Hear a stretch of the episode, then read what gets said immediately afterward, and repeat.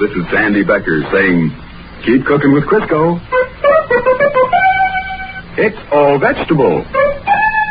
It's digestible.